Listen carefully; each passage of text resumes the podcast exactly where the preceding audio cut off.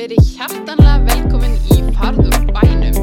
Mér langar að byrja því að þakka öllum kærlega fyrir að hlusta hinga til. Þetta hefur allt sem hann farið langt fram úr björtustu vonum og síðan langar mér líka að minna alla á að endilega subscriba eða followa á þeim miðli sem það hlusti á.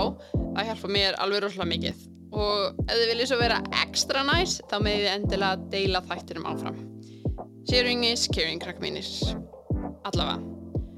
Afreiks íþróttakonan, hún Björk Óðinsdóttir, sem að allir þekkja úr fimmleika og crossfit heiminum, kom til mín í spjall. Hún sagði mér auðvitað frá sínum glæsilega íþróttaferli, en hún sagði mér líka frá því þegar hún fór í fóstureyðingu 17 ára gömul og hvernig hún misti fóstur árið 2018. Því lík fyrirmynd sem hún er og ég get ekki beðið eftir að þið fáið að heyra hennar mögnuðu sögu. Þessi þáttur er tekin upp í podcaststudiói Akureyrar og er þar á leiðandi í bóði X-Mist og Múlabergs. Björk Óðinsdóttir, gjör þess vel. Segð mér eitt til að byrja með. Já. Hefur æft frjálsar? Já, Yes! þú líka? Já, en það er bara allir æft frjálsar. Held á Íslandi eða bara landsbyrni. Þetta er svona ongoing theme hérna hjá mér, sko. Það er held ég algengt, sérstaklega svona sumrin Já, þegar maður var að æfa svona vetrar íþrótt þá var ekkert annað í bóði Mm -hmm. meðan það geðvitt, ég, ég er svo þakklátt fyrir dag því annars hefði ég aldrei hlaupið sem bara Já. svona látin hlaupa, ég mann maður þóldi það ekki sko, en Mhm. hvað maður hefði gott að því Einmitt, einmitt. Varstu lengi eða? ég var held í svona þrjú að fjögur sumur Ok. og keftalega á svona landsmátum og eitthvað og Mm fannst það mjög skemmtilegt sko Já. Hefði góð, líka góð félagskapur svona Mm. á semrinu og eitthvað. svona skemmtileg ferðalög og Já, nákvæmlega, nákvæmlega. En hérna, þú ert náttúrulega bara svona, mér finnst þú. Þú ert bara svona, mm. getur allt í íþróttum einhvern veginn. Nei. Hvað, þú veist, þú... sé mig kasta fólk Nei, það er kannski bara fínt. ég var reyna að fá að vera með í svona, svona að ég, veist, ég veit ekki hvað móti heitir hann sem að fullanda fólk er alltaf með hérna, Já, hérna, góð, nei, hvað, nei hérna hérna, Pólamótið? já, pólamóti, já, já, já. Ætti að vita þetta. aðdándir, Já, slakka bróðir svona. minn hérna var yfir þetta En já, ég verði eiginlega að við, einhver verður að þóra að hafa með mig í liðinu sinu Einmitt. gefa mér sjans Mm Ég skal vera í klappstýru. Já, ég gæti að hafa bætt með eitthvað Það er alveg mögulegi, maður veit aldrei. en hérna, þú veist, hvenar byrjaður í fimmleikum?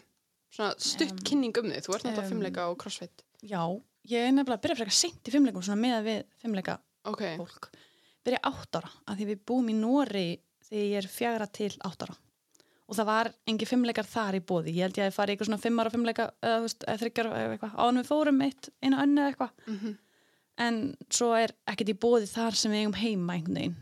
Þannig en ég sveifla mig bara trjánum þar sko þessi ár þangað til. Og ert alveg byrjuð svona með þennan áhuga.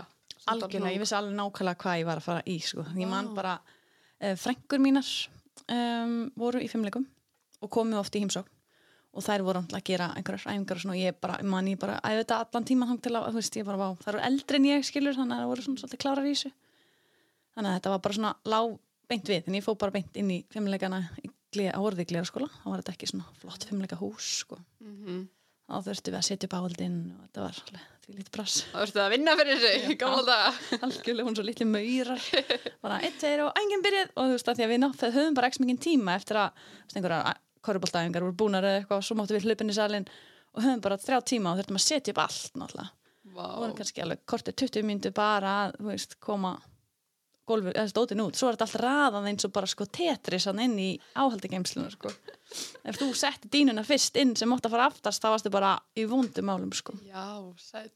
þetta var gegg, gó- góð upplifin sko, að hafa farið svolítið svona harða skólan í þessu Mm Ég Það trúi því. Já. Og hvað, svo, þú veist, heldur bara áfram, áfram, áfram, ætla bara að verða aðtunumæður eða Já, ég ætla bara að fara í landslið í fimmleikum, það er bara alveg draumurinn og ég er svolítið svona, kannski ósmeik, þóri ótrúlega mikið, kannski verið þess vegna svolítið fljótt góð í fimmleikum að ég er ekkert hrætt við að þetta eða Mhm. með á mig. Ég var mjög heppin það kom að því ég þóra hendi mér í allt en ég mitti mig rúsalega sjaldan sem 1913, Mhm. en ég eh, fekk samt, sko, ég fæðist bakgalla eða svona, þannig að ég fæ snemma svolítið í bakið. En við förum samt suður íla út af mér, ég er svona byrjuð í nýjendabæk að fara aðeins svolítið suður, svona tvær vikur og tvær vikur. Og endan verið bara tvær vikur í einum skóla í Reykjavík og tvær vikur í Hrafnmækjul skóla Vá, ok. það var einni uh, Karl skólastjóri hérna yfir mentasviðinu hérna. Mm hann, uh, hann stakk upp á þessu ég var alltaf að fara og vissi að þetta var, stó, var svona mikilvægt fyrir mig og mamma var svolítið að vinna fyrir sunnan og gæti svolítið að fara með mér og veginn virkaði vel.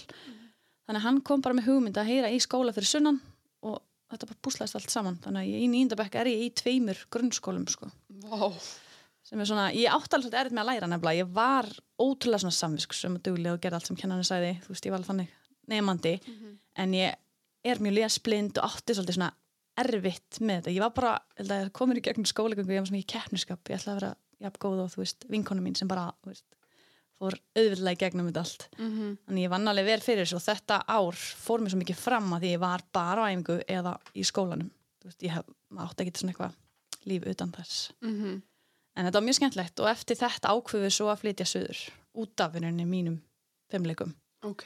þannig að fjölskyldan fer með mér sko þannig að ég man mikið eftir þessu ákvörðun ég var svona, ég vil ekki pína ykkur til að fara Já. þetta var lítið erfitt en það voru allir svo til í það og Ok. bróðum bara, já, það var alveg gaman að prófa eitthvað nýtt og var einhvern veginn aldrei neitt vesen yfir því, þannig að við bara skelltum okkur drekja ykkur Geðveitt. Og þar bara tekum við meira æfingar. Ertu í gerplu þá? uh? Nei, ég fer, fer í gróttu þá Já.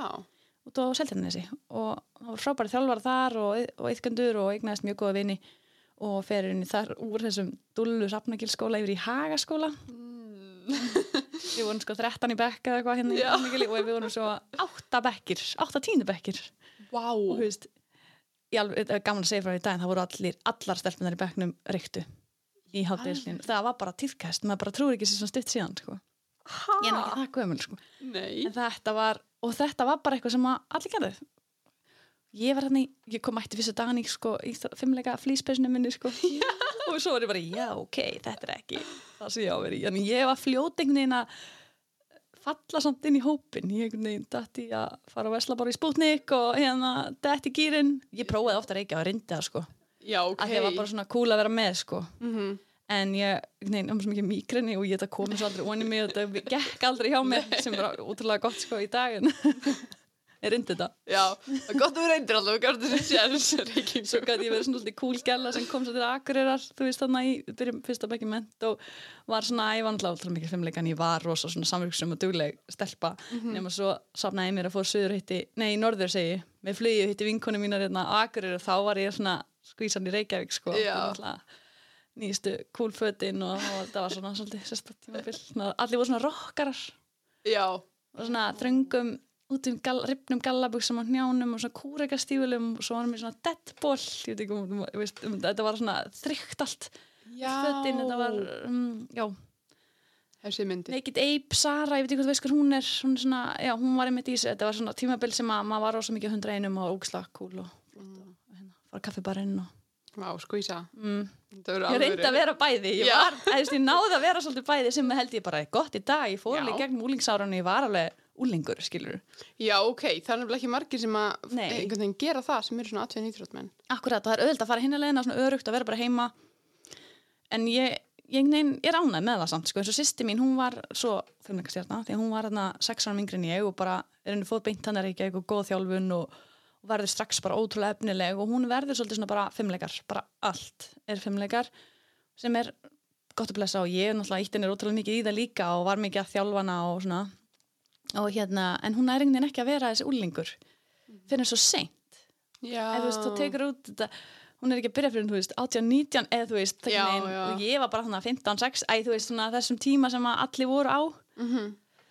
þannig maður þarf alltaf einhvern tímann að taka þetta út og ég veit ekki hvort það sé eitthvað endilega betra að taka það út eitthvað eftir tvítugt, sko Nei, en þú veist, eins og sumir nei, Já, gerðu. já, já. en þetta er þetta er í tímar í dag Mhm. dag er krakka kannski meira að taka þetta út svona setna, sem er kannski alveg jákvæmt Já, já, en maður var svona, það var gott að vera í takt við tíman og einhvern veginn, ég veit ekki því að horfa tilbaka er þetta bara ótrúlega skemmtilegi tímar Mhm.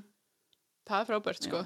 Og þú veist, hvernig, að því að síðan ertu, þú hættir það ekki og fer síðan setna aftur og verður í landsliðin í hópfumleikum.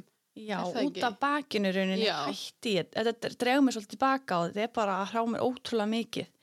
Ég fann að standa bara í skólanum, fyrir hann í MH, svolítið erfitt nám, minnst, og einhvern veginn, já, fyrir þetta bara ótrúlega svolítið andlegt fyrir minn þarna, ég sé fram og ég er ekkert að fara að vera þessi fimmleika stjarnar sem ég langaði. Mhm. Það er alltaf að stoppa mig og, veist, auðvitað kynþróskin komin og þú veist, baki var bara verra og verra þegar, auðvitað, þegar það allt saman mjöðmynda fyrir að vika og svona Mhm. og ég fer ótrúlega fljótt bara í það að ég ætla að vera ókslega góð þjálfari og ég fer og æmbeti mér svolítið mikið af því og fæ, og vinna, fæ að vinna mér rosa góðum þjálfurum og er snemma fann að þjálfa bara frekar, frekar góðar, góða íþ, gott íþjóttafólk sko, sem er ótrúlega skemmtilegt og gaf mér miklu meira en ég fattaði þá einhvern veginn í dag. Og fá að fylgja þessum stelpum og fara í sér ferðarlega og bara og svo flytt ég norður aftur alltaf klára í mentaskólinn henni í verkmyndaskólanum og pappi var komin norður, mamma mín pappi var oft í alls konar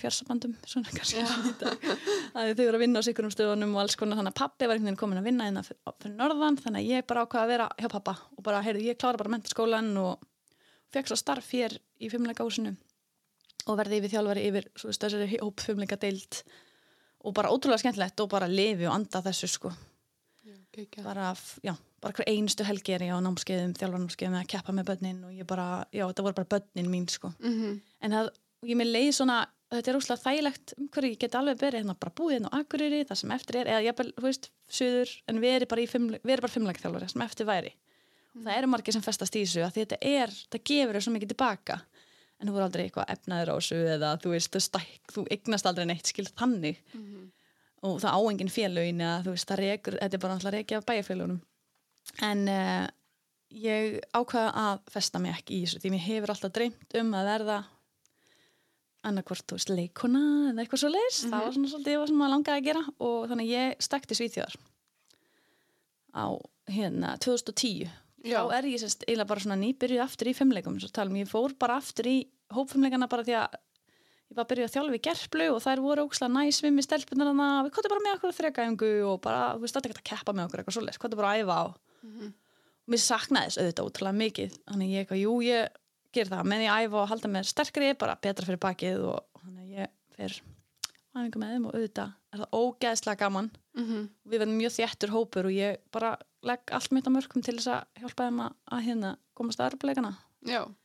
förum á Norrlandamót saman og, einhver, og ég mót, í, í hérna Danmörku og alls konar bara ótrúlega mörg skemmtilega ferðalög og við erum svona þéttur hópur sem að þú veist við, djöm, við drukkum ekki og þú veist við vorum bara einbytt okkur að þessu markmið við heldum svo sannlega upp á það samt þegar við er að ná því. En já, þannig ég ke- ákvað að keppa með þeim og ég er svona allan tíma að dreipast í bakinu þetta er ekkit rosalega gott fyrir mig. En, en já, já, þannig ég er svona setja skóna í hilluna þegar ég flytt til Svíþjóðar svona 2010 Ok. Já. þá ætla ég hætti að vera íþróttamæður og hérna ætlaði bara að fara að verða leikuna eitthvað ég var alltaf bara svona, ég verða að halda líkamann í lagi svo ég get verið á sviði og ég get veist, dansað og allt þetta Einmitt. en já, þannig að það var svona það sem ég var svona að fóti svíðjar og var að redda með einhverju vinnu og ætlaði bara svona að læra tungumólið koma með undir fótunum aðeins og svo fara einhvern veginn að komast inn í þetta Já, þannig að það var leiklistin sem er unni, tók þetta í Svíþjóðar? Já. Já, ok, en skemmtilegt. það er, já, og þú veist, ég var aðeins að leika hérna í leikfélaginu, komst í svona hérna, þú veist, bara svona ungmenna leikrit, Já, já, já. mjög skemmtilegt sem gói var að stjórna Já, hérna, veik mjög. Ég ald, heldur betur sá í það leikrið, það var mjög flott. Ég það var mjög lítil, en ég man ekki alveg eftir en mjög flott í minningunni. ótrúlega skemmtilegt við fengum alveg áttarsýningar og það var alveg geggjað Já, sko. þannig að þá fekk maður svona smá dellina fyrir þessu líka því ég vissi alltaf að þetta væri eitthvað ég veit ekki, kannski að þegar maður bara fæðist svona aðtiklisjúkur eða þú veist, elskara ég veit það ekki, fimmleikan alltaf fullkomi fyrir það því þú ert bara alltaf, alltaf að sína Einmitt, horfðu á mig. já, alltaf að gera nýtt sko. og bara elskar að dansa og er einhver dómararnir og allir í stúkuninu að horfa á þig skilur Mm já, það fórum við alltaf Já, það verður þetta vel.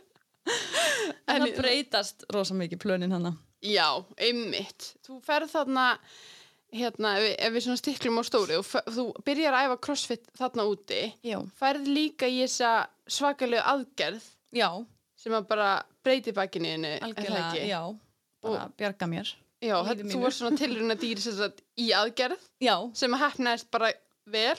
já, bara gati ekki hefnast betur sko. ég fæ bara líka minn í raunni en hann bara bjargar lífi mínu, ég hugsa í dag ég væri ennþá með þessa bakverki, ég væri örugglega komin að þungildisleif sko. Þetta var, tók ótrúlega mikið á sko.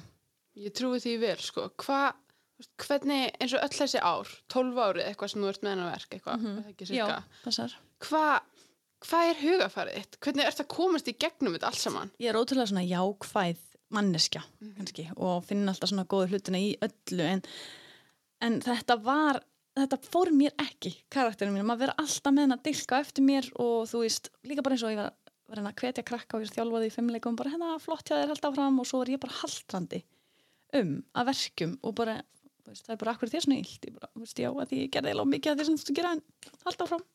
Ættum, mér fannst Já. ótrúlega erfitt að vera svona léleg, eftir bara svona mm Mhm. leiðin sem ég var í full gömul, mjög gömul. Það var mjög erfitt að útskýrta en þú veist, bara sitja lengi, standa lengi fara í ferðalög, það var allt svona kvöð og ég var alltaf að breyðja íbafenn og þetta einhvern veginn ég var alltaf að hitta nýja og nýja sjúkurþjálfara og alltaf einhverju sem vildu voru tilbúin að hjálpa mér og oft fór ég upp í svona gleði bara hú þessi allar algjörlega að bjarga mér og þetta er að ganga miklu betur og svo datt þetta alltaf niður aftur af því að þetta var ekki að fara að lagast. Sama hvort ég gæti haldið þessu örlítið skarra þá var það bara ótrúlega mikil vinna og svo þegar þetta kom aftur skall á þig þú bara þá og fórst að blæðingar. Þá bara mýktist allt náttúrulega og bara verkefni voru bara ógeð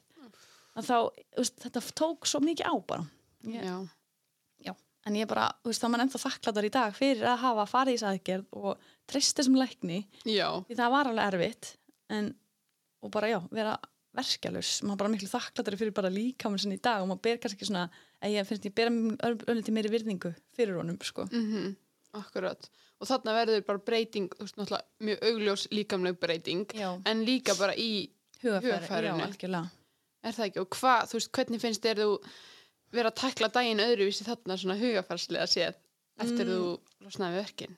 Núna, Já, og bara, þú veist, e- þessi breyting að vera, skilur, með verk og svo ekki með verk. mér finnst þetta bara hundra svona léttara, sko, þetta Já. er bara maður ekki næra að njóta sín aftur og ég veginn fannst ég svona skulda sjálfur mér það að veist, verða þessi íþróttamæður sem ég ætla alltaf að verða sem ég bara fættist sem ég, svona, ég get ekki bara eitthvað sleppt því ég er, þú veist, fekk hann að tækifæri ég verð bara að nýta, skiptir ekki mál þó ég er svona 24 ára skilur Mhm. þannig ég heldi mér bara í það og það var svona drifkrafturinn í kannski þessum crossfit-ferli mínum sko.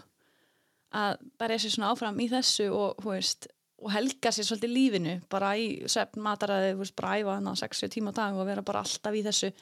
Það er náttúrulega ofta einhvern svona drifkraft sko. Já, það var allavega mjög stór drifkraftur í því Mhm. sannar svolítið fyrir sjálfum mér og, og, og öðrum í kringum mig og mér fannst einhvern veginn allir fóreldra mínir og fjölskylda stuttu svo við baki á mér Þú veist, þau voru aldrei að segja ég væri ekki góð, sko bara langt í frá voru eða alltaf bara að byggja mig að hætta og einbytta mér að einhverju öðru en mér langaði svo að sína en bara ég get verið þessi manneskja Mhm. þú veist, og ég get þú veist, sigra og komist áfram og hérna verði, orðið þessi frábæri íþróttunæður sem ég kom, varð svo já, akkurat. Þannig ertu 24 ára, eða ekki? Já. Og hvað, þú veist, þarna ertu kannski búin að taka út þessi svona úlingsár, þannig að það ertu þarna bara, fullorðið já, bara íþróttamaður, alltaf, alltaf, alltaf. Já, ég Já. tók það bara svona ákvörðun að bara, jú, þetta var ég eitthvað að vinna með þessu, tók smá tíma að geta þú svona lifað á þessu, Mhm. þú var aldrei eitthvað svo ríkur á þessu, en eða fyrir eftir, auðvitað, hvað svo hátt þú kemst, en ég svona náði þetta að halda þessu svona rúlandi Ok, og þá, þegar boltin fer að rúlla, þú veist, þegar maður kemst á heimsleikana og þú getur fengið fleiri styrtaraðila og bara einhvern veginn verið svolítið á flakkinu, það var náttúrulega ótrúlega skemmtilegt æfintýri, og lífið var svolítið öðruvísi og ókverstagslegt mhm, maður var bara, er, ég er að að dríja á morgun og ég er að fara að þanga og ég er að fara að þanga? Og, þú veist, og tím, hlutinni breyttir svolítið rætt en maður svona svo lengi sem ég get æft, borðað þá skiptir og engum máli, þú veist, það er geggjað að vera einhverstað sem er heitt og gott og maður var duglegur að hitta og þú veist, gera hluti með þessum vinum sínum sem voru í sama bransa. Við erum bara svo dugleg í, í þessum crossfit-heimi að hittast og fara saman í svona æfingaferðir og, og já, nýta þá styrtaraðala hvers annars og alls konar. Mhm, þannig að þetta var bara ótrúlega skemmtilegt æfintýri sko. Já, geggja. Lendir hann í öðru sæti á EM, já, já, og ferða á Games og eitthvað, já, geðveikt. mjög skemmtilegt. Og ertu alveg full on í crossfit þanga til þú verður ólétt eða, Já, í rauninni sko. Já, ég er náttúrulega Já, ég hef alltaf viljað eignast bann Ég er í Mhm. rauninni verið að verða ófrísk sko 17 ára fyrst og fer í fústreiningu ok, sem að tók líka svolítið á. Ég held að það svolítið svona fylgir mér í gegnum bara lífið að því að ég veginn mér leiði alltaf eins og mér er refsa fyrir það. Ég veit ekki okkur, það var bara eitthvað sem ég hef búið til. Mér fannst það ótrúlega erfið ákvörðun og auðvitað er maður rosa ungur hérna alltaf og þú veist líf mitt væri náttúrulega allt öðru í dag ef að það hefði verið en það veit ekkert hvort það er verða það betra skilur mhm, en ég allan tók þessa ákvörðun þarna og, og með, fjó, með hjálp fóreldra minna og þetta var bara, þú veist, ég fengi stóða alveg baki á mér. Ég held að þetta er svona eina skitt sem ég hef virkilega orðið þunglind. Ég held ég talaði ekki í viku eftir þetta og ég bara, neina, þetta fór rosa á sálina mína sko og þetta var náttúrulega baki líka mjög slæmt og þetta var svona gangið gegnum svolítið erfitt tímabil. En, en það einhvern veginn að ég var líka allt svo hrættum að skemma líka mann á ómiklumæðingum ég maður það allt svona uh, ég veit það ekki svolítið stressandi, maður sprakki mikið til um rannsóknum um þetta og ég vissi svo húst, kynnti mér aðeins meira um bara svona getnaðavarnir og, og tíðarhingin og hormonuna eins og að þetta ætti alltaf að vera í réttur róli. Þannig að það var mjög gott að vita það bara þegar að ég var reglum blæðingum þýðir að þetta er ekki komið í ofþjálun það er mjög góður svona Já, eh, akkurat. já, eitthvað svona red flag fyrir það ef það er að byrja að rugglast eitthvað, sérstaklega ef það var í rútinu tíman, Mhm. auðvitað eru sumir sem var aldrei í rútinu og það er eitthvað annað sem ég náttúrulega kynnti mér svo sem ekki, því ég var á reglulegum blæðingum og svo byrjaði það allt í hún dett út svona einu einu einu og minga Ok. og þá fann ég að ég var komin í ofþjálfin þetta var þegar ég var svona að fara frá Svíþjó ég var, var svolítið mikið í bandaríkjónum og, og var um þetta hægt í sambandi og þetta var greinlega svona, og ég komst ekki á heimsleikana þetta var árið eftir, ég var búin að fara einsunni Ok. endi semst í fjórðarsæti og rétt tapa plássinu og ég náttúrulega, svo hörði á mér og þetta alltaf ekki að neina áhrif á mig, ég ætlaði sko bara aldrei að vera betri en þetta hefur þetta áhrif þetta er náttúrulega ótrúlega mikið spennufall ótrúlega mikið svona, já, bara álag Mhm. þannig að þetta er svona tími sem að ég fyrir gegnum svolítið mikla ofþjálfun Já. og er rosa hrætt um þetta, bara get ég eignar spötn ég bara hefði, það er verð, mér verður refsað fyrir að farið í fústringu mér leið alltaf þannig, þó ég þóra aldrei að segja upp á við neitt, sko Já, ég skil. en þannig að ég var alltaf svona ég ætla ekki að býða lengi ég ætla, þú veist að þú veist, þegar ég finn mannin sem ég vil eigna spötn með þá ætla ég bara að fara að vinda mér í það sko. Ok. þannig að Blaine fekk eiginlega bara svolítið að vita það strax að ég bara, já, þá sagði ég strax, ég ætla ekki að vera fjársamandi og, og ég ætla eigna spötn og helst alveg svona þrjú, fjögur bara fljótlega Já. alveg bara, ok, en já en það verður mjög mikið fjársamand Já. en við ákveðum að var í þetta þegar ég, eða svona, mér líður svolítið eins og ég sé bara, ok, ég er alveg tilbúin að taka pásu hvort sem ég hætti crossfit eða ekki, það er eitthvað sem maður bara get, getur rauninni ekki ákveðið Nei, nei, einmitt. eftir hvernig líka með fer eftir og allt saman maður, svona, ég vildi alveg ekki setja það stress á mig ég er eitthvað að komast aftur í form eitthvað eftir eitthvað next tíma eftir fæðingu Já, ég ákvað var ekkert að setja þá pressu á mig en það var líka bara svolítið sátt Já. þú er það alveg í dag, ég þarf ekki endilega að fara aftur út í þetta Nei, varst búin að ná kannski árangum Já. sem þú vildir ná og... algjörlega og þess ótrúlega vel og þetta, ég byrjaði þessu allir, all lífið og Mhm. en ég var rosa tilbúin að verða ófrísk sko. Já. Það er 2018 eða, um, nei jú, fyrr. fyrir, nei, nei set, setna, nei 2018 er að ljúga þér, já, Já. það er rétt já, já, Eitthvað í kringum þann tíma allavega, já, það passar Og hérna, ertu til í að segja mér aðeins frá því að því ég veit að þú mistir fóstur þá sem þú hefur talað um ofinberlega. Mhm. Hvernig var svo reynsla og sérstaklega eftir að hafa farið í fóstureyðingu nokkur Já. árum áður? þetta var ótrúlega erfitt Ég var- þetta er ekki erfiðast sem ég hef svona, gengið í gegnum ég, þetta er, já, nú manni, þetta er oktober sem ég verð ófrísk 2018 og, og þetta var allt svona geggja plan, eða já.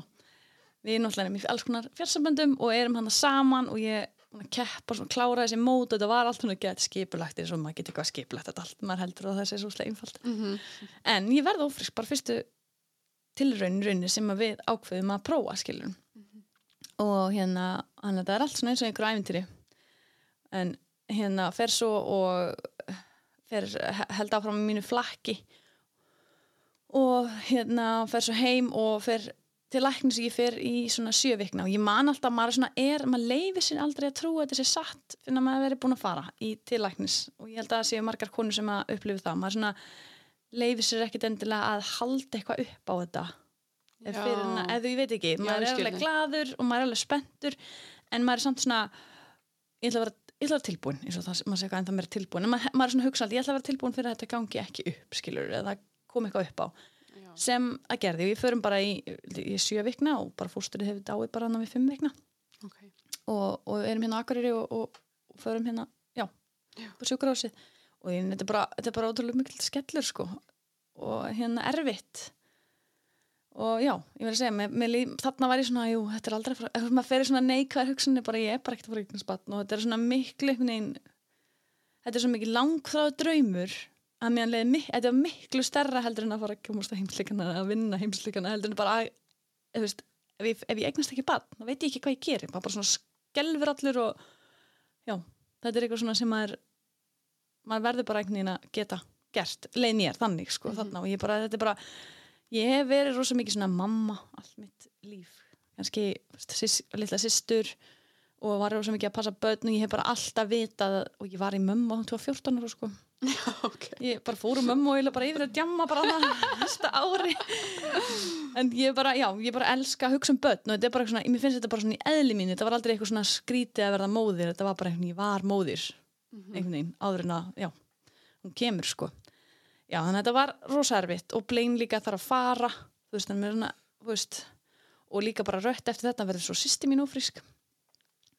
Þannig að þetta var svona hú, og svolítið svona auðvitað samklæst maður ógstæða mikið en þetta var ekkit smá erfitt sko, mér líður allt, leið alltaf næst ég fyrir alltaf seina bregna spötn og var með þessa pressu á mér skilur en heppilega varði ég svo ófrísk bara, ég fer einu sinni á, á blæðingar og fer í rauninni tvo tíðringi og næst svo þegar rauninni blein kemur aftur. Þannig í janúar 2019 verði ég aftur ófrísk.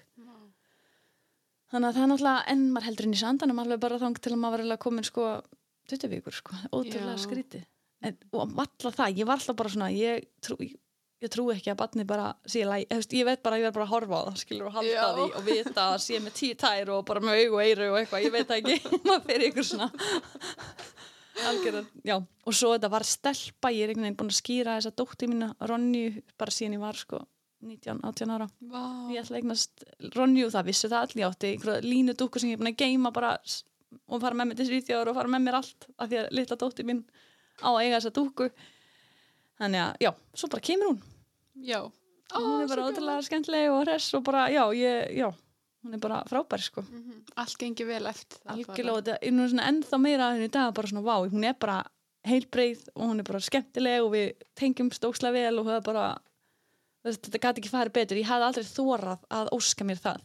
Mm eins, eins og óskar eitthvað, þú bara vil að vinna hérna að komast eh, á þess að danskefni eitthvað, þú svona ímyndar það og sér það fyrir þér. Að því maður leifir sér það, það alveg einhvern veginn, það er Já. til og þú hefur séð myndina en þarna ég þorði ekki og, og ímynda mér hvernig hún liti út eða að við hefum, að þú veist, ég þorði ekki að leifa mér það -hmm.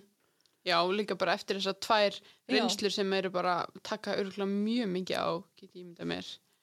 En hvernig var þetta þegar þú varst 17 ára, að þú eins og talar um að þú hefur alltaf verið mikið mamma í þér? Já, Var þetta eitthvað, þú veist, hvernig var þessi, ég, sko, ég veit hún var erfið, en hvernig var þessi ákvörðun að eignast ekki batt þarna, veist, verandi svona þessi típa, típa, já, í það. að ég viss alveg ég myndi alveg geta skilur, ég hugsaði svona ég geta alveg og, og veist, mamma og pappi hjálpa mér og þetta, veist, þetta verður allir læg en ég svona, svo var svona í mér bara þessi draum, draumur að veist, mér langaði að klára skólan og mér langaði svo að fara út.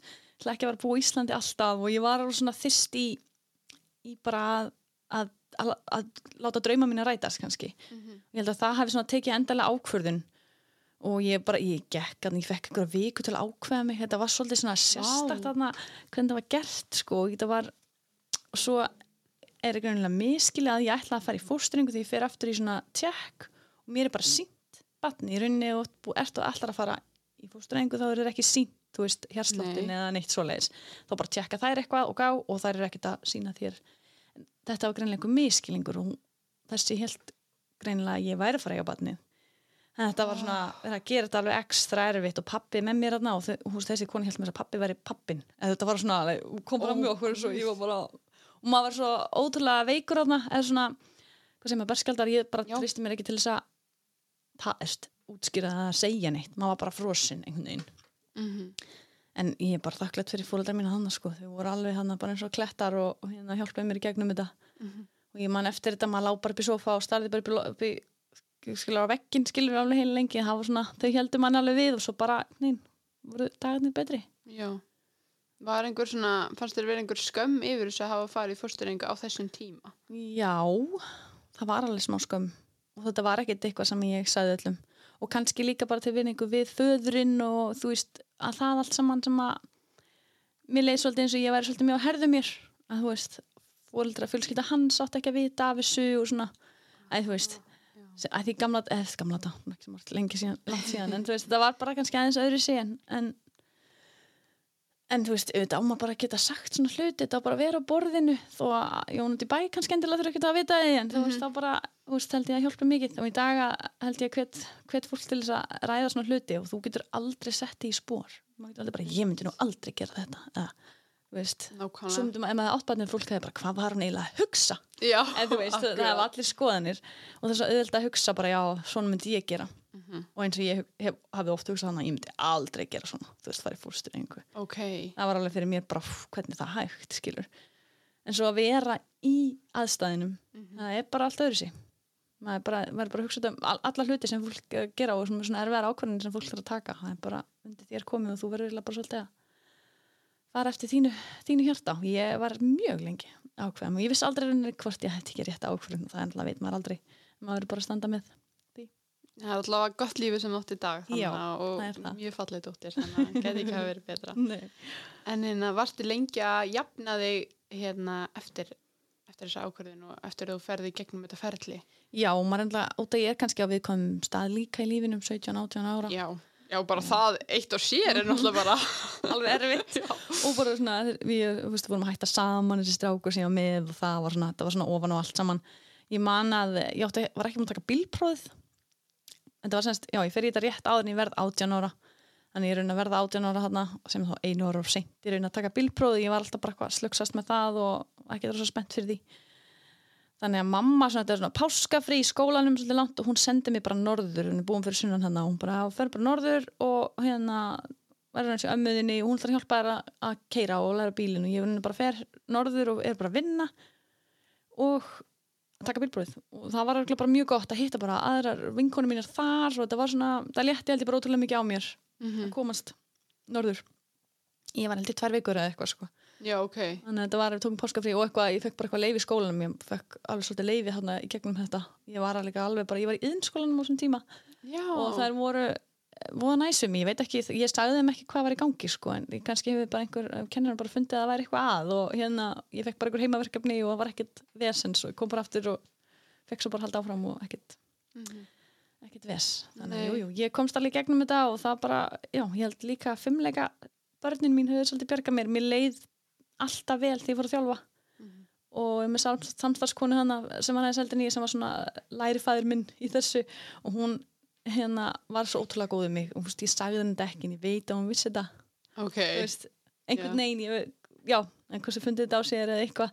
Þannig að hún var rosa góð um mig og hérna og bara vera með glýmir með 6-7 ára börn sem eru bara þarna stína þú bara ert ekki, nei, þú ferð ekkert að pæla í þér þarna. Mhm. þannig að alltaf að fara þangað var bara svona eins og að fá smá kvíld frá eh, tilfinningum sínum skilur og þessu, þessu erfileikum sem var að gangi í gegnum Mhm. þannig að ég held að svona hlutir bjarga manni alltaf, þannig að mann líður ítla að fara svolítið í eitthvað sem að vera í kringum fólk sem að þykja væntum og, og gera hluti sem þið finnst skemmtilegt Já, algjörlega. Hvernig, þú veist, það er nokkur, náttúrulega, svolítið, nokkur ár síðan, þetta ekki var. Gömlu- já, það er Við erum svona, meir en tvö ár allavega. eitthvað- Allavega, eitthvað já, þannig. já. Hérna, hvernig var, þú veist, bara á þessum tíma og vonandi er þetta búið að breytast alltið, en hvernig, hvernig var þetta ferli, þú veist, um, þegar þú- þú bara ringir, pantar tíma, maður þá bara hvenna spítalan Já, það var þannig þá og það var ráðgjafi ég sest í hangun svona ráð, ég veit ekki hvort þetta sé bara eitthvað svona félagsráðgjafi eða eitthvað svoleiðis sem í rauninni sest aðeins og tekur eitthvað viðtal við og mér fannst það nokkið rosalega faglegt viðtal, það var meira svona, já, og hvað, ert í sambandi? Ég alveg, þarna var eiginlega sambandi svona búið, skilja, og ég var svona nei, þú veist, Já. nei, þá er þetta nú bara að ferði bara í fyrstu rengu það er nú ekkit gott að vera eini í þessu núna þessum aldri. Hún eiginlega bara svona og þá var eiginlega bara meiri líkur að ég var að fara að gera það því ég var bara svona, ég ætla nú bara að sanna fyrir þessari konu ég get nú alveg gert þetta, eða, þú veist, þetta var ótrúlega sérstök aðferð. Hún nálgæðist mig á mjög rangan hátt. Ég held, já, maður ég veit þess að ekkert hvernig vinnubröðum voru þarna en mér allan að leið ekkert eitthvað eins og ég var að þarna opnum, og- opnum örmum og einhvern veginn, mér leið svolítið eins og ég væri svolítið ruggluð bara, vitlaus. Ok. hvernig kannski láta þetta ger, gerast, þú veist, veist ekki og þú nota smokk, eða þú veist, Já. þetta var svolítið svoleið, sko, og ég með þess að vara á pillunni þarna, þannig að þetta er svona svolítið, já, mann er svolítið svona eins og ég væri bara svolítið vitlaus. Mhm. en ég, já, ég vonandi er þetta önnu vinnubröð í dag. Já, þetta er svona aðeins bet meira að tala um þetta og þetta er kannski aðeins meira opið. Ég vona það. en, þetta er rosa svona einmannleg aðgerð, þetta er, rosa, svona, þetta er bara svona riksu að úr þér eða fyrir mér sem hvernig þetta er gert sko. Já, og já, sem betur verið að maður látið fá svona kærleysisleif ok. þannig að maður er einhvern veginn, ég man bara alltaf aftur á lækninu sem kom og, ég veit ekki hvort svæfingalæknir eða hvað, hann var rosa myndalegur þetta er bara einu sem ég man og bara, þetta er kannski að spyrja hvort hann vilja hitta mig eftir því maður var einhvern veginn ekkert að spá í hvað var að fara að gerast sko, Já, já, sem já. er auðvitað það er svona ástæðan fyrir þetta, þetta gefið sko þannig að en svo eftir að vakna maður svona tómur skilur, Já, og bara einhver þarna og þú veist, einhvern veginn allt einhvern veginn, með, og maður alltaf með alls konar sjúklingu bara á einhverju deild. Ekki sér í herbyggi eða svoleið sko, og vakna bara með eitthvað svona tjöld á milli og veist, í minningunni er þetta svolítið svona svona, svona bara úr einhverju bíómynd sko Já, svolítið kallt umhverfi svona. Já, Og var ekki að, þú veist, eftir þetta var þetta bara já, góðan daginn og farið heim, það var ekki, nei, það var, nei Já.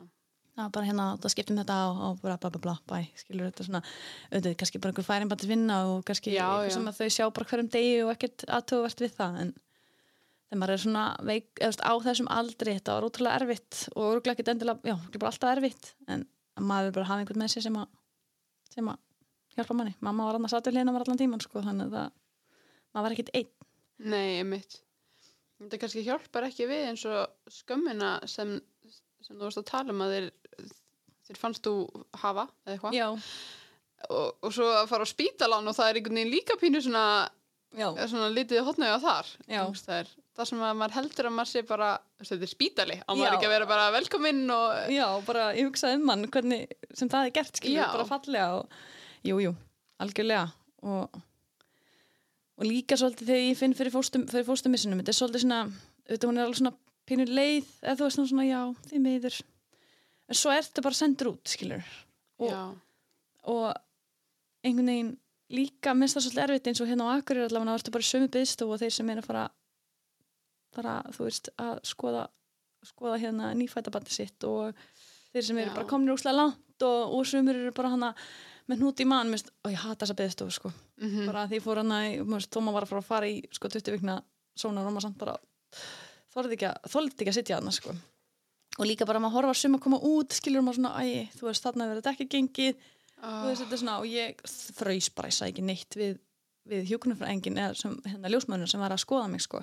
Þegar maður að segja er að já, ég er bara Já. svona, já, já, þú veist maður bara svona, einhvern veginn alveg bara frís og hérna svo bara, náttúrulega bara eitt brotna maður bara saman, bara þegar maður lappa fram sko. Já, og sjá bara ólitlar konur hægri já, þetta er svona pínu skríti en auðvitað, svona er þetta bara veist, ótrúlega lítið pláss fyrir þetta en á akkurir, þetta er ósvo svona já, eins og bara heilbrískerfi kannski, hérna er núna, bara það er auðvitað að fá tíma hjá heimilsleikni í Reykjavík svo heldur hér, þetta er bara allt að springa hérna, þannig að hérna þetta er svona allt tróðið einhvern veginn saman og bara reynda púsli svona, þetta er bara gangi og svo, já, Mhm. þannig að þetta var, já, þetta er ekki þarna uppáhald staður minn Það vel, vá. En var, það, var ekkit eftir þetta eftir að hérna, það var sagt frá eins og fórstumissinum að var ekkit svona, heyrðu þetta er sálfræðingur sem við getur leitað til hérna og Nei. getur komið hinga Ekkert svo leið ekkert svo leis Já, ekkert svo leis, en bara betur við þórum að tala um þetta.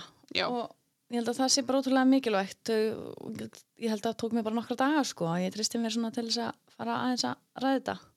Mhm. og maður er hérna, já þetta er bara, þetta er bara ótrúlega erfitt og sama hvað þú komin auðvitað er auðvitað erfitt þú komin bara að finna hreyfingar og barnið degir og þá þarf að taka það úr og þú veist, það er skilur orðið að barni Mhm. og það, veist, það er hræðilegt sko en, en þetta er líka vond þetta er einhver von og þú búin að einhvern veginn búin að setja þetta í höfðar og þú þetta að fara eignast batn en svo bara einhvern veginn gerist ekki neitt sko. og þessar konur sem að reyna kannski til margra ára að verða ófriskar sko. þetta er bara svona þetta er bara svona martruð fyrir mann sko. og fólk, já, þetta er bara örugglega alveg bara sikalega erfitt og halda þessu inn í sér held ég sé ekki gott fyrir neitt sko. nei, þetta á bara að vera og þú veist, og þetta er já, rannsóknir, það er bara gaman að skoða rannsóknir hvað er það sem að veldur því við verum minna fr- frjóar og allt þetta með tímanum og mér finnst þetta bara ætti að vera meira svona á borðinu og útskilt bara fyrir krökkum nánast bara í, í grunnskóla eða mentaskóla hvernig þetta virkar Já, algjörlega. og hvernig, já hvernig, hvenar eru mest frjóar og hvað veldur því ekki og hvað, og hvað, hvað getur þú veist, hvað, hvað getur gerst og hvað getur ekki gerst og sumi fæðast með, þú veist, legslímiflakk eða veist, eitthvað sem hefur eitthvað vesen og vandamál og, og þetta er svo erfitt að fá þetta allt í einu bara þegar þú ætlar hann að 30 ára að fara að byrja eignar spötn og bara já, ok, einmitt, að það sé ekki búið að koma upp eða, já, eða, veist, og sumin alltaf hafa fengið ykkur vandamál og, og, og, auðvitað vita eitthvað af því en þetta er samt svo, svo allt sem ekki feimnismál, svona, já, þetta er það sko. Já, og bara þetta líka í tengslu við kynfræðslu í grunnskólum og eitthvað, þetta Mhm. er bara svona maður fannst þetta bara vandræðilegasta kortir af önninni eitthvað, þessi, og, þessi, og þetta, akkur erum við svona? Ég veit það ekki. Þetta er svo skrít þetta er náttúrulega ennþá bara í okkur eiginlega öllum, þú veist, þetta Já. er svona smá smá veiku blettur, mm það er aðeins þetta. Já, einmitt. En mér finnst alltaf hérna, eins og ég sagði við að það er líka mjög gott að þú sér tilbúin að tala um þetta og hérna, margir að fylgja þér á Instagram og svona. En hérna það, með að góða punktur sem þú komst með áðan eh, áður en við byrjuðum að taka upp með að mm, það má ekki segja neinum að það áður en það komin er þú veist hvað 12 það er ég bara eitthvað. gamall síður eitthvað, ég veit ekki akkur þetta er svona en maður átti bara ekkert að vera að segja þetta fyrir en maður er komin, ég heldur 12 vikur, þá eru svona komin yfir um, stæðstu líkurnar að fóstumissi og það er svona meir líkur að þetta verði að barni. Og þá er bara held ég eitthvað tíð, tíðkast í okkur uh, mannfólki að gera, segja ekki neitt fyrir að þá það. Og það var held, held ég líka bara svona kurtesi og svona var þetta gert og svona er þetta. Svona kurtið sig gagnar hverjum? Ég veit það ekki. Og líka bara, já, ég, eh, gag- ég veit ekki að samfélaginu örugglega bara. Og í gamla Já. daga var náttúrulega ólítið konur bara að látna vera heima. Það er ekkert að sjást með kúluna og að, það veist, við erum komin langt með við það. Mm en, en ég held að það sé rosalega slæmt að, að deila svo ekki með neinum eins og ég segi bara þó stöðuð vilja sumi bara tala um maka sinn en og ég segi, menn eru kannski ekki að upplifa eins og við konur. Þau eru ekki með þetta inn í sér það er ekki, þú veist, þetta er held ég aðeins öðru sér upplifun og þeir kannski er þetta fyrir þá að setja sig í okkar spór en ég held sem mjög mikilvægt að tala við einhverja vinkonu, mömmu, e- eitthvað um þetta og, og se- segja sínum, að ég myndi allan að vilja segja mínum bestu vinum frá því þannig að þau getur þá verið til staðar fyrir mig þegar ef því ég skildi missa og þetta færi ekki eins og þetta ætti að fara að þá hérna er vita fólki kringum mig og geta þá veist, stutt við mig. En sumum finnst það óþægilegt að aðri viti þannig að þetta er mjög, mjög persónubundið. -hmm. en ég held að segja ekki þetta svo gott að segja yngum og svo lendur í þessu. Og ég hef heyrt það frá fleinu bara, æ, ég sagði yngum að því að við vorum ekki komin á langt. Og svo missir maður og þá ertu ókslega leiður en enginn skilur af hverju og enginn, enginn þá er svona erfitt, auðvitað getur útskýrt hvað gerðist en það er held ég svolítið svona það er erfiðara. Já, að þau svona skilji þig að því að þau, aha, betur varstu óleitt, ha? Já, var ekkert, já, ok, það er svolítið svona bara, æ, þú veist, þetta gerist svo alltaf, þú veist, það er alltaf sagt það er mjög algengt, já, bara eiginlega allir kringum mig hafa mist fóstur einhvern Er það? Þannig að þú ferð að spyrja eins út í þetta eitthvað, þá er þetta bara ótrúlega algengt. Mm og það er líka kannski eitthvað sem ætti að vera að talað um meira, algjörlega. að þú veist, þetta er bara mjög mikla líkur að þetta geti gerst. Sérstaklega í fyrstu, fyrstu hérna uh, segir maður, fyrstu pröfu já, tilraun eitthvað Tilraun, já. þannig að ég held að maður ætti bara að hafa þetta meira upp á borðinu og ræða þetta betur við alla, bæði konur og kalla veist þetta sé Mhm. bara svona, oftast er það þannig að ef það segja allar læknar að það er þá eitthvað að fóstrinu og þá er það líka með bara að skila því því að það er ekki nógu heilbreykt Ég skil. Það er svona oftast á og eitthvað sem fólk oft kannski hugga sér svolítið við. Mhm. að þú veist, já, þetta var ástæða fyrir þessu eða svona. Mhm. þannig að ég held að við ættum bara eins og sé ræða þetta meira, tala mér um þetta.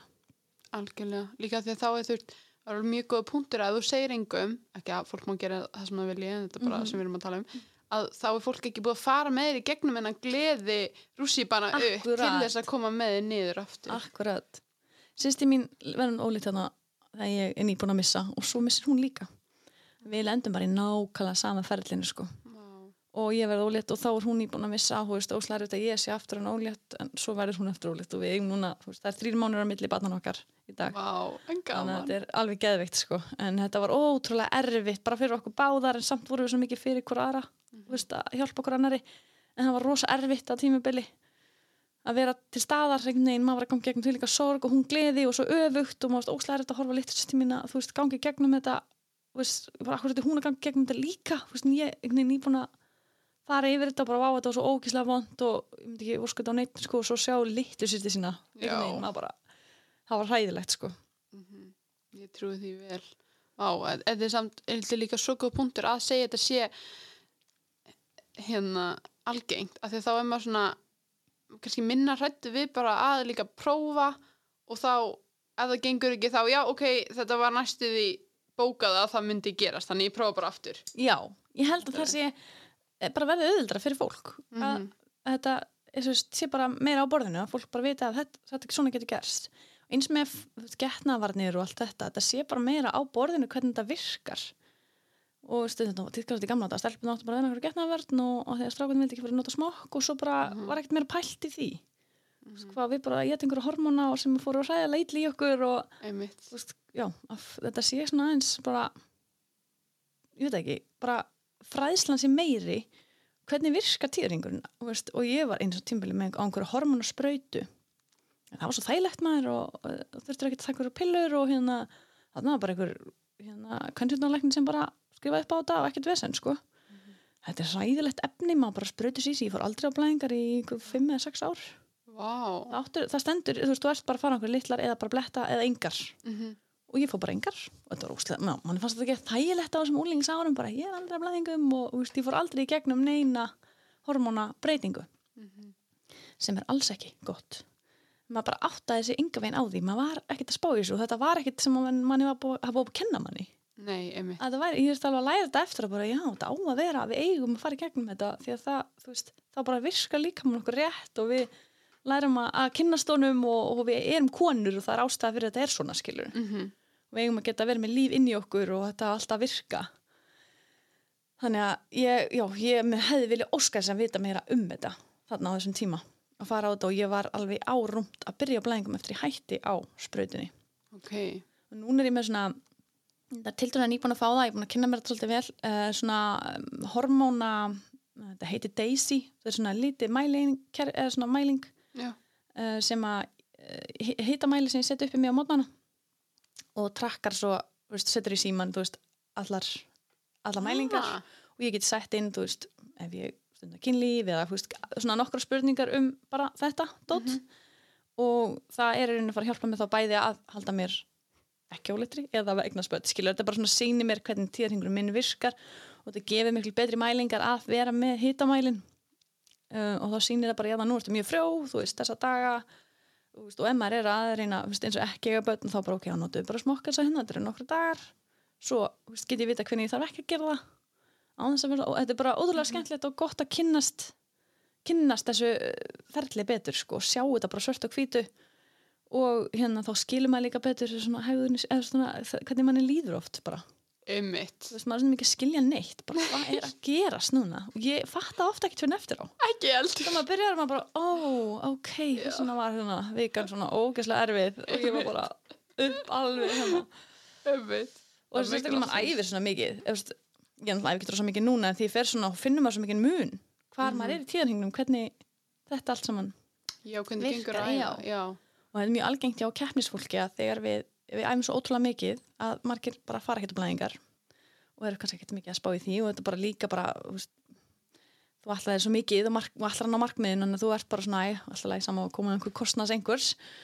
Og svo hérna tekur yfir svona kvild fyrir mót. Flestir, flestum íþróttum er það þú veist, þú æfir svolítið, er rosa mikið og píkar einhvern veginn og svo tekur hana fjóra-fimm daga í svona semi-kvíld, bara æfa frekar létt svona aðeins að snerta á því sem þú ert að vera að gera til þess að sapna kröftum í rauninni fyrir keppnina og sérstaklega í crossfit að þú þarfst að vera með svo kannski fimm daga mót framöndan og þú þarfst að vera búin að virkilega að ná að jafna þig. Sofa vel og borða vel. Þá fyrir líka minn í svona bara heyrðu það er pása. Hann veit ekki að það sé að koma mót sko. hann bara, hú, það er, það er, það er kvíld þá oft verður líka minn annarkvæmt veikur eða það koma rosa miklu blæðingar af því þannig er bara, hey, nú get ég allt í einu farið að stað með tíðarhengin bæði, þú veist, fylgir þannig alls konar hormónar og kannski mikla blæðingar. Þannig að mjög margir hafa keft svona góðir rítumenn hafa keft á miklum blæðingum. Okay. sem að getur örugglega verið svolítið skríti og svona sjokk fyrir líkamann. Ég í alveg nokksunum sko. Og ég veit að það er að tala með, við höfum talað eins um þetta en ég held að sé þeirra fræðast næst meira um þetta en ég held að svona tæki myndur örugglega geta hjálpað þér aðeins við það. Og auðvitað þessi þó þú sért að íþróttamæður þá verður að passa að vera á blæðingum og veist, reglulega. Mhm. eða vera allan með eftirfylgni í þessu sko. Þannig að ég held að það sé líka bara betra fyrir þig sem íþróttamæður að ná lengra að hafa þetta svona í jafnvægi. Algjörlega, hvað sagði þetta heiti? Daisy? Daisy, já. Ok, og er þetta bara eitthvað sem að kaupi bara í apoteki? Mm, Mm. þetta er bara selt, þetta er þýst. Ok, þetta er ekki selt á Íslandi en og er ekki að flytja þetta, panta þetta. Því að ég held að sé samt bannaði það er búið að breyta lögunum eitthvað núna með ó, ESB samningum og eitthvað. Já, það, þeir voru bara með, margir voru bara með Ísland á bannlista til að senda vörur því að það er svo dýrst Þú tolla, þetta er svo tolla svo svakalega sko að þeir voru bara, þú veist, við, við tökum þátt í þessu og þau voru með að þeirra fyrirtækja þannig að ég blein var endar út í Þýskalandi að keppa og fekk þetta þar og kom bara með þetta heim málið, þetta er, ég held að þetta sé bannað í dag að þau, þau fyrirtækja megi ekki segja nei við að senda til Íslands ok. En þetta er fáránlegt hvað er tolla hérna sko. Þetta er rosalegt, sko. og ég, ekki, ég er ekki með allar ástæðan bak við það hvernig þetta allt saman virkar og ég er hlindi að við erum að vera bara að nota okkar vörur og minka þetta, sko, algjörlega. En þetta er stundum alveg bara, ég er náttúrulega að vinna stundum með fyr, fyrirtækjum erlendis og svona. Já, og þetta var ekkert mál því ég var í Svíþjóð og þetta vandar ekki en maður bara fekk þetta sendt þarna og það bara bæstist þarna fyrir utan hurðinni hefur. Og nú eftir að flytta heim þetta er bara búið að pölva vesen.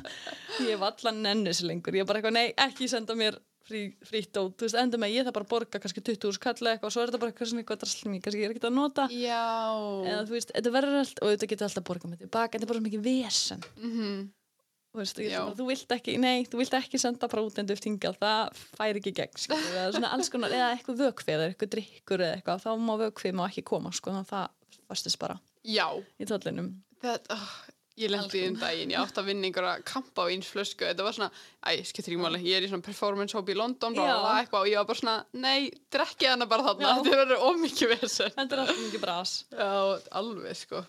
en þetta er eins og eina svoleiðis vörum þannig ég veit ekki hvern, alveg hvernig þetta nálgast þannig Nei, nei, nei, nei, akkurat. Já, þetta er hljóma, hérna, mjög spennandi, sko. ég hef ekki talað mikið um þetta, ég ætlaði bara að nota þetta fyrst einhvern x lengi, þannig ég myndi svona fá smá meiri mælingar Já, já, já. ég færi að tala eins um þetta á mínum miðlum sko.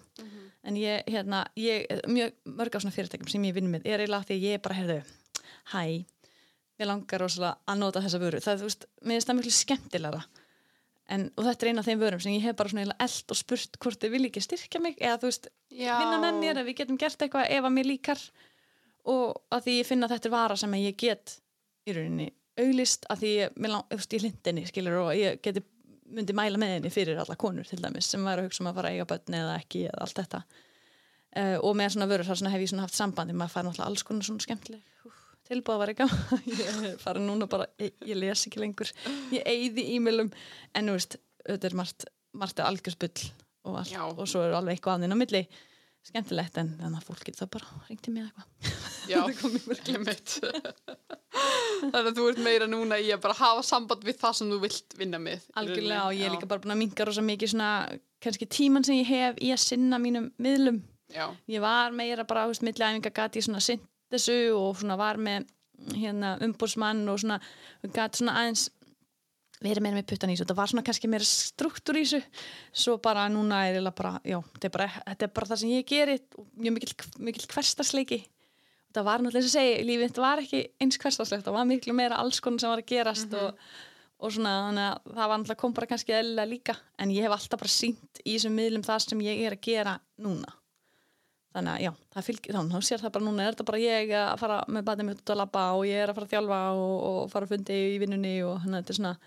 og og, og og æfi hér á milli, inn á milli og þá fær ég alltaf bara svona, yes, þetta er comeback. Bara, ég, nei, ég er að fara á æfingu. Bara hafa gaman sko. ætlar að byrja aftur, alltaf að fóra svo spurningu hvernig ætlar að keppa, og ég bara, já, ég veit ekki. Það Já, gæti gerst, einmitt. núna er nummer 1, 2, 3 bara að hugsa um dóttir mína og hugsa um norður, sko, þannig að það er nóg að gera í því Mhm. og einstæð oftast Já, einmitt. Einmitt, fjarsembönd, við, ætl, við ætliðum að tala um það, ég veit ekki alveg hvort það hættum okkur í það. já, Hvernig- það er annar bakki maður, úff Það er annar pakki. Hvað, þú veist, hvernig er þetta búið að vera bara, ég get ímyndað mér að þetta hefur tekið mjög mikið á. Hann, þeir náttúrulega, þeir meiri sundur en saman þessa árin. meira sko búin að vera síðan ég var, mér var hent út bandaríkjunum sko, þá var hann búin að skrá sig í, svona, í vinnu og var búin að ráða sig hann er rauninni alltaf bara að klára það að koma heim. En þá í millitíðinni fekk hann þetta tilbúið að fara í sem sagt að landslýp opslega og er núna að að komast á olimpíuleikana þetta er rauninni, hann er að fara að ganga inn í þriði árið sitt í, það, í þessu sporti. Og hérna gengur rosa vel, þannig að hann er að fara mjög líklega að fara að, með liðina að keppa í februar í eina vetra olimpíuleikunum og þá er þessu aðeins til lokið. Já. samkvæmt okkar díl sko. Já. já, þannig að það, ég vissi alltaf því ég var að fara í, þessar batningnir að ég ætla að, þú veist, ég vissi ég þið einn þú veist, við vorum búin að ákveða fyrirfram. Þú veist, að hann ætla að taka þetta, þennan díl og þennan draum og hann hefur alltaf langað að, gera þetta þannig að ég var svona, ég skildi hann svo vel. Mhm. það var búið að vera svolítið ég og mér frá mér til mín, um mín, mín mitt keppnis eh, og ferli ferðalag, en hann var svolítið svona bara með mér. Og svo finnur hann eitthvað einhvern veginn og við byggust einhvern veginn ekki við því og þetta bara henda hann svo geðið vel og þetta svo ótrúlega gaman þannig að ég skil hann svo vel. En ég bara stutt hann í því frá degi eitt en ég var bara, ég verð samt að eignast þetta bann þannig að ég, en ekkert mál, ég fyrir bara til Akureyrar það eru allir sem getur hjálpa mér og ég hérna, bjarga mér alveg þó að þú sért að fara og koma. Auðvitað vissi ég ekki að hann er svona mikið í burtu þetta var, það er svona ekki alveg ákveðið allt hvernig það yrði þetta var eitthvað svona þrýr mánuðir eh, og svo heima þrýr eitthvað hann eitthvað hámarki, eitthvað fimm mánuður ári en svo er alveg búið að breytast upp í 7-8 eða eitthvað núna, Já, ég er hægt ok. að telja sko. Nei, já, einmitt. en, en, en hann ég vissi, ég fer henni vitandi í að eiga bann og vitandi ég er því svolítið mikið einn að ég, hérna, já, en ég var ekki búin að ákveða að kaupa uh, þrjár líkastastöðar uh, líka, það var ekki á planinu að fara út í líkastastöðar þarna, það er bara svona eitthvað sem datt svolítið upp í hendina og veist, ég var alveg búin að hugsa þetta og ég bara, já, kannski einhvern tíma þegar bleini komin aftur og við erum kannski byrjuð að koma undir okkur fótunum minn og akkurýri að fara að gera eitthvað svo leiðis og var bara fyrst eitthvað búin að hugsa um eitthvað pínlítið eitthvað ég man, eitthvað sal sem ég ætla eitthvað að fara að leia og eitthvað kannski að vera með eitthvað, að dúla mér eitthvað. En svo verður þetta, já, bara rosa dæmi. Já, þú eru orðið risastór. Þetta gerist mjög hratt og ég, segi, ég ætla alls ekki að vera einstæð móðir og með þetta. Þannig að ég get alveg viðkjönd að þetta er að vera ótrúlega erfitt og mikið og bara, maður er valla sofið stundum sko. Þannig að, en þú veist að því maður vill vera móðir þú veist, því maður vill vera, maður vill vera með henni en samt er maður bara að drukna í vinnu. Og þegar hún sopnar á kvöldin þá maður bara bara á miljón, þá getur maður að fara að sofa. Þetta, þetta er búið að vera rosa mikið og ég er búin að vera rosa spennt að fá Blaine heim. Uh, hann kom heim fyrir hvað, þreim veikum eða eitthvað, já. Og dagarnir fram að, fram að því var ég bara svona valla, bara höndlægi, það var svona, ég mann hefur svona tvær vikur í hann, eða þrjár til tvær vikur. Og ég bara, ég bara er að, þú veist, mér fannst ég var svona að fara að ganga í veggi, eða þú veist, fara í svona, heitir það, kulnun. Kul, já, mér leið svolítið eins og ég- fyrst skipti í æfinni sem ég tíma bara, bara verið með bara skjálta og bara svona, ég er ekki að ná stjórna ég er bara gleymullu og ég bara hef ekki stjórn lengur, ég bara er að missa stjórnina. Og þá kom lókun Ok, Úf, sem var ótrúlega erfitt auðvitað, þriðja lókunin okkar leggur náttúrulega auðvitað stressa á reksturinn og allt það en ég, ég var bara ég get andað. Já. og bara svona sá ljósið einhvern veginn, bleinu var að koma og jú, ég hugsaði að þessi lókum verður aldrei lengi og hérna var eða svolítið hlind hvernig stjórnmál bara gerði þetta þarna það var bara kannski bara, ok, frjósum bara allt og vonandi sleppi við, skilur Mhm. þannig að, en auðvitað þetta rökra það hundra sinni fram og tilbaka, Já, já. en ekki að fara það er ekki núna. Það er annað þáttur í það. en já, þannig að ég lega svona kom lókun svolítið að bjarga í lífminu kannski þarna Ok, já. í bara andli og heilsunni Ok. náði svolítið að anda og bara slaka eins á og svo kemur hann og, og hérna þá léttir þetta er tvöföld lé- aflétting hjá mér af því að hann, hann bæði ég bæði vinn tvöfald þegar hann er ekki burti út af við erum bæði að reyka þetta hann hann kemur og tekur vinnu þar og við erum með við erum tveir fóldra með hann skilur hann þetta er svona og hann getur elda mat fyrir mig er svona, það verður svona svolítið léttir. En ég ætla aldrei að njóta þess því hann fyrir aftur í júli þannig að ég ætla nú bara Ok, að njóta og njóta núna og til. Já. Haustið kemur. og allir alltaf aftur að fara að æfa. Hættið að æfa. hérna, er, það er þá síðasta törnin hjá honum, eða ykkur, þegar Já. hann fer út. í júlí. hann fer í júli og kemur hann ekkert aftur í februar hann fær eitthvað jólafrí Ok, við líklega fer ég bara við og hittum hann Já. en ég, það er ekki alveg okkur en Nei, þetta verður allavega mjög svona löng og erfið síðasta törn já, ok, ok. En það er allavega síðasta, þið Já. getur haft það að núna, þetta er ekki búin núna en ég er bara eitt ári þú veist að mamma minn var bara jésús minn þetta er alveg þú veist og allir í kringum hann skilur en jú, jú, þetta var ákvörðin og ég verð bara, þú veist, ef ég byggi ekki á Akureyri, þá veit ég ekki hvað ég væri sko, Nei, nákvæmlega. sískinni mín og mömmu, pappa og já, Akkur eru góðu bæri allavega til að vera. ekki sko já. ég, með, ég bjóst ekki við ég væri svona ung, ok, nú er alltaf alltaf að segja þessu gömul ég, er ung að vera komin eitthvað aftur til Akureyrar og bara svona sest að sem Já, þú veist ekki sest að það eilífu, maður ákveði það svo sem aldrei en mér finnst ég ótrúlega ung að það, ég bjóst ekki við ég myndi gera það svo snemma Nei, ég mynd. lífsleginni Mhm. en ég var svona að segja, ég bara, ég held ég var ekki svona mikil Akureyringur heldur fyrir en ég kem Mhm. ég bara elska að dagskráin kemur út og, og ég er bara algjör Akureyringur sko, bara alltaf enn fjórum og eh, ég veit það ekki, ég, maður er svona já, og elska bara að tala um hvert erum að loka gangutinni og hvert erum að gera það já, ég er ótrúlega mikil Akureyringur, kannski hef alltaf verið það eins og sýsti mín fór svo snemma þannig að hún finnur kannski ekki eins mikið eins og Já, maður tengist Akureyri. Og svo bróðið minn rosa ég veit ekki hvort veist hver hann er hann vinnur á rúf Já, já. Óðinn.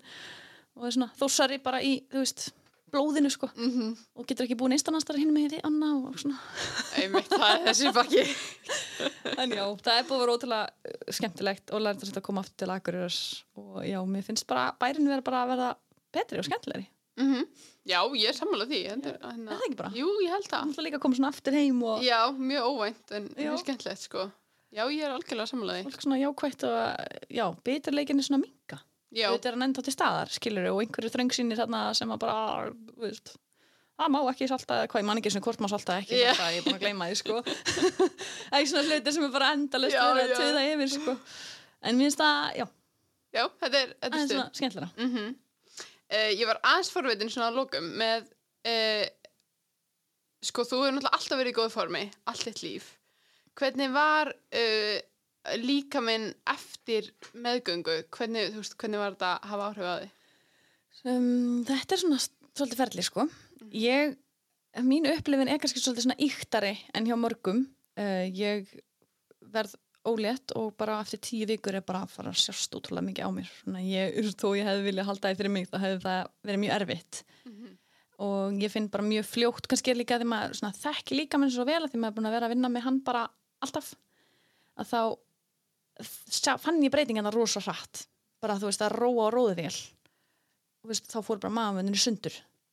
Vá, og, veist, ok. og eftir 10-12 vikur þá er ég bara svona ok, ég get ekki gert þetta þú veist, allt sem að verður því að veldum að þú kónar heitir það uh, það verður svona pínu fjall. Að þá er í rauninni álag á vöðum og þá ertu bara að gera meiri líkur að það verði meira kviðslitt þá ertu bara orðin þannig að þá ertu komin það langt og þú þarft ekki lengur að æfa þessa stóru maður það heldur bara að æfa djúpu vöðuna og að æfa alls konar kviða en þarna þurfti ég að bremsa rosa margar æfingar bara upphyfingar og margar svona æfingar sem ég bara hendi mér í ekkert mál. Þannig að og ég þarf svona, já, að, aðlaga þetta mjög fljótt. En ég æfa alveg út síðustu, bara alveg út síðustu daga. Ok, ég fyrir mér að fram með þér og ég bara fór á uh, ræktina. En ég, just, ég gæti náttúrulega gert takmarka auðvitað. En ég náði samt að hreyfa mig og mér leið bara vel að hreyfa mig. Það bara svona ef ég satt kjur því ég var mjög mikið heima í hliðalegu í sófanum því ég var bara rosa ólétt veit ekki hvort þú hefur séð myndir af mér já ég, ég, ég, ég sá það ég var bara, hvernig get þetta verið að risa bumba verið mjög litla Já, mannesku ég er með rosa lítinn kvið Já. en ég held að þess hefur hún verið svolítið útstæð. Já, um, fær rosa mikið vatn en hún er rosa framalega strax í byrjun, hún er bara farin að stinga fótum höndum hann út. Það er líka komið svona kviðslit svolítið í kringum naflan hjá mér. Þannig að þar getur hún alveg bara þar getur ég náttúrulega bara snert hendunar á henni sko. Wow. puttanir og allt þetta fór bara í gegn vá, uh, já, og ég var að sundi okkur um einasta degina fólki sem er alltaf í sundi því það eru svona já. þeir gáttu bara alveg fylgst með mér hérna og fannst ég bara ólétt að eilífu ekki það nóg með mér leiðaning náttúrulega. Fyrst sem ég var spurð hvort það verði ekki að fara að styttast það voru fjórir mánuður eftir. Þegar það er, og mennilega konum há sérst ekki eins og þessi óléttar sko. það var bara, já, ég er ekki að fara að styttast hjá þér. Það var bara um voru þannig að ég bara, nei það eru fjórum og ég trú ekki að byrja að spyrja maður þessu núna. Og ég var náttúrulega spurð bara alltaf. Já endalist og ég skil alveg að fólk spyrji. Mhm, og, og, og er oft bara hvernig líðið þér? og svona sem er náttúrulega bara veist, aðeinu góða og allt er góðu sko. en þetta það var rosa mikið kommentað á útliti mitt. Ég ætla vöna þessi komment á útliti það er alltaf hort á mig því ég var í sundi bara því að ég var með svo stóra hendur. Eða þú veist, stóra rakslir og þá bara svona, lit, svona fullar fólk bara snýri sér úr hálslið skilur Maður, ég hef alltaf verið vön við það og það einhvern veginn kannski stakk mig ekkert svo mikið því kannski bara með nú gott sjálfströsta mér og svona, svona alveg sama. Og þarna var þetta ennþá yktara sko. Það var bara og, og, en krútlegast þarna litlu bönninu voru bara sjáðu magan á henni bara sjokkið, ég enda alltaf bara í bikini og bumban bara hana út í lofti en já, þetta var stundum voruð þreytt sko hann er lókin þegar fólk þú ert nú rosalega stór Ná, já, ég veit það og svo sýsti mér hann með pín, pínrilla kúlu svo fyndi við Já, svo ok. líkar í öllu við með sömu skóstærð og gerum allt eins og svo er hún bara með hennan þessa ponsu lilla kúlu hann og eiginlega bara, þekka eiginlega bara öfugt bara nú, ertu að fara eða þú veist Já, ok. okay. og, ertu búin að fara í stæk eða þú veist, já, fara að láta skoða þetta þetta er nú alltaf lítil kúla og veist, æ, fólk er svo á svo til að segja svo margt. Já, já, hefur alls konar skoðanir. Þannig að ég, ég, mér er að segja þegar ég var búin að eiga voru held ég komnar fjór, þrjár, fjóru vikur fyrir ég með sýsti minn í sund þá voru hún ófrísk. Og e, það er hald, það rugglast á okkur sko líkar. Og haldið að hérna ég var í semst hún en þá ólétt. Ég var alveg með stærli maður en hún. Ég var að ganga saman ég var bara með rosa stór kúla alveg lengi á eftir sko en hún er nú gengin tilbaka núna að mestu en skinni á mér er náttúrulega hefur breyst og þú veist, þú tegðist rosa mikið hann í kringum naflan þannig ég er alveg bara svona þú veist, ég get alveg toga maður mér svolítið svona út skilur Ok. en þú veist, útislega séð, þú veist, þetta hefur breyst nafli minn er svona útstæður meira. Ok, og hérna og það gengur náttúrulega ekki tilbaka skilur og svolítið teikt skinni, ég var fekk rosa lítið slit. Mhm. en ég held ég að vera með, ég með svo held ég bara að þú þú fæðist í rauninni bara þannig með þannig tegunda húð og þú fær slit og sem fá ekki slit. Það er eða persónulegt en uh, jú, auðvitað hef ég alveg breyst svolítið. Og ég er svona, mér líður ennþá til svolítið að tómar mér inni, ég er svo svona, ei, það er já, já. svolítið svona öðruvísi fílingur og líka bara, ég veit ekki, eftir að var þetta mjög skrítið bara ég rifnaði ótrúlega mikið og bara var alveg bara öll í hakki aðna niðri sko, maður bara var með frósið döfumbindi inn á sér og bara að reyna að kæla sér niður. Ógislegt sko, maður fari ekki gangi gegnum þetta. En alveg þess virði sko. Já, og maður já. er fljótur að gleyma þessum hlutum. En jú, þetta tók tíma og ég finna ennþá í dag, ég er ennþá svolítið að læra inn á þetta svæði Mhm. að spenna, þú veist, grindabotnin ég er alltaf, er alltaf að æfa það reglulega og ég er nýbyrju að geta til mig sippað hans að pissa á mig Mhm. allt að gerast og þetta, þú veist, er ótrúlega finnst mér ótrúlega mikilvægt að tala um þetta konur, mjög margir eru bara, herði það er bara, þú er bara búin að eiga batn og þá bara ertu alltaf þú veist, þú pissar bara alltaf á þig, það er bara þannig ég pissa bara alltaf á mig hnerra, það sé bara eitthvað svona eðlilegt að því þú átti batn Mhm. en það er ekkert eðlilegt auðvitað gerist þetta því að við eignast börn og það slakna á þessum vöðvum en við þurfum bara að æfa þá aftur og það er hægt að æfa þá aftur. Ég held að, það, ég held að fólk gerir það úst, æ, æ, hef aldrei eftir á kannski tíum setna auðvitað þá er verið að kannski að virka þá Mhm. en ef þú bara gerir það strax á eftir og ert að hugsa um grindabotnin og vandaði bara þegar þú bara að beigja eftir einhverju að setjast í stól og þú bara svona virkir þess að vöðva og auðvitað að gera sérstakar æfingar að þá bara lagast þetta og ég held að það er svo mikilvægt að við gerum það ekki bara hvort þú vilt með barn, annar barn eða ekki Mhm. að við reynum að bara fara tilbaka og ná að vera við sjálfar margir segja eftir svona 1,5 til 2 þá líður konur svona eins og séu svona uh, búin að endur, endurgelda svolítið líka með sinn aftur og þekka líka með sinn aftur eins og hann var sem er ótrúlega langur tími úr spáður í það Mhm. Já, mjög. að þá, hérna, já, en ég held að það fyrir að tala um, líka meira um þetta þetta er ekkit bara eitthvað svona, jújú jú, þú ert bara búin að eiga börn og þetta verður bara allt svolítið hana slaft og allt í rugli hana smá það er ekkit endilega rétt Einmitt. og svo þegar þú ert saumu saman eins og ég var. Og það er bara allt öðruvísi þannig núna. Það er búið þetta bara, það var ekkit svona.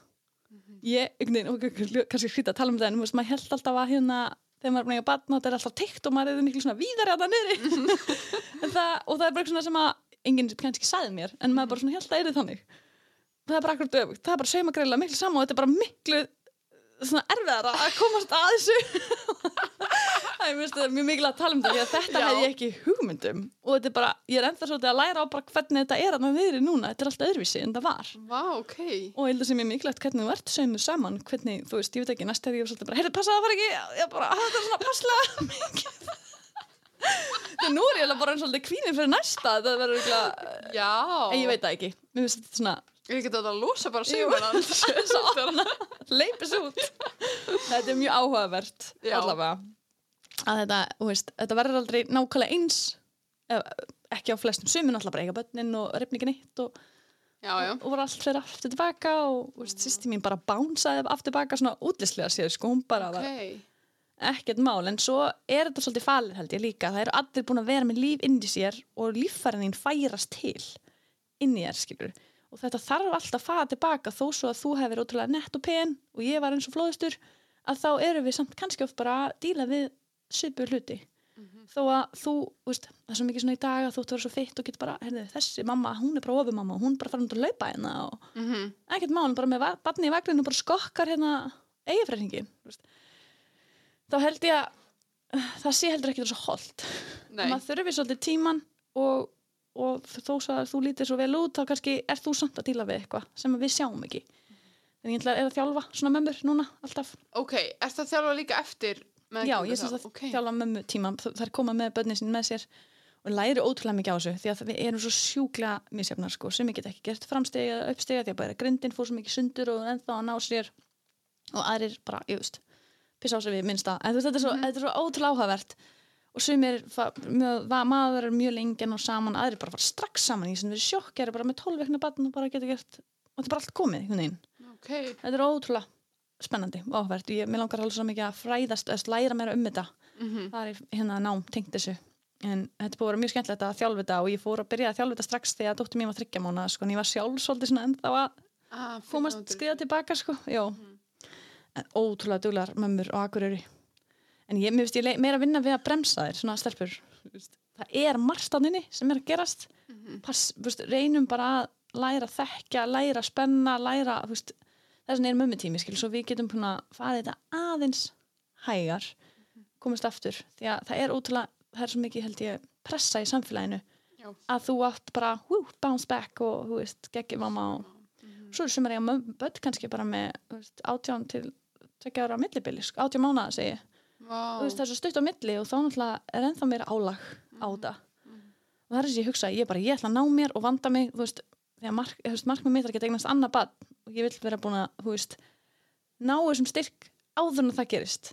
Já, því að fólk er oft bara, æ, hvað sem er frá annað barn, það ætla bara að vera þannig eitthvað blöð, slepp hana nýri og svo bara, þú veist, lagið þetta eftir á. En það er tíu sem það, sko. Þannig að það er svo mikilvægt að maður hugsa um sig eftir. Og þó svo að konur hafi aldrei verið að hreyfa sig mikið að það að hreyfa sig eftir fæðingu er bara ótrúlega holdt, það bara eigur blóðflæði í öllum stöðum og líka minn fer bara að, að byggja sér tilbaka, sko. Akkurat. Hversu lengu eftir uh, fæðingu er svona yfirleitt mælt með að Ráð, það er svona þrýr mánuði sko en sumar er að koma bara ég segja með þetta alltaf persónulegt því mig er bara náttúrulega ráða þessu- ráða þessu sjálfar.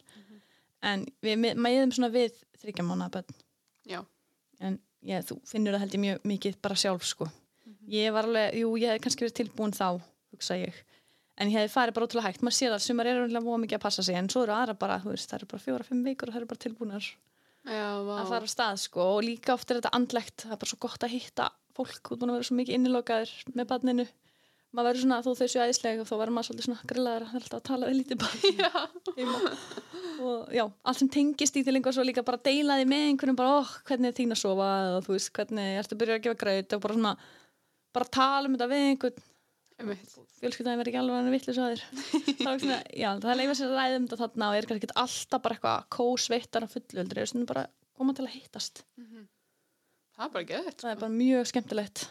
Já, þetta er svona alveg svona klúpur, það eru samar einhverjum mömmu klúpum og eru svo þarna og fara svo saman í hátegismat og þannig að það er bara geggja mér dreymir um þetta næst að vera í fæðingarólafi ég hef náttúrulega engan tími það núna? Já, auðvitað. ég var bara í fæðingarólafi hann upp í tryggvabraut að taka klefan í gegn og Ronja var bara hann að milli og svo bara hljópa einhver með hann að svo, með hann var svoandi út og lappa og maður fara á milli.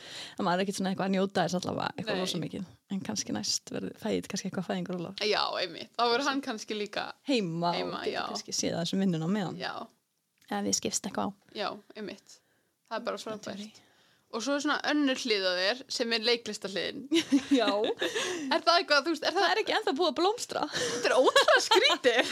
en maður er orðin og gamall ég, Nei, ég held ekki. já, mér, það væri bara draumur að fá bara eitthvað aukalutur skengt tíman en það, þú veist, eða vantar eitthvað og fá einhvern tíman tækifæri til þess að prófa þetta Einmitt. aftur, Eh, nám og svona hefur náttúrulega, þú veist, þarf maður að fara svo mikið til þess að ná sér í Já, allavega hér, þú ert ekkert eitthvað að fá eitthvað gegja nám hérna á Akureyri tengt þessu og leiklistaskóla Reykjavík er ótrúlega erfið, erfið, að komast inn og mikil skuldbinding ég veit ekki hvort að það sé eitthvað sem maður myndi gera einhvern, jú, ég ætla aldrei að segja aldrei nei, aldrei sé aldrei. Nei, en ég bara mista svo, mista rosa spenn, spennandi og skemmtilegt allt svona. Gaman að þetta hefur líka haldist, þú veist, áhugin. Já, hann hefur ekkert afnað sko.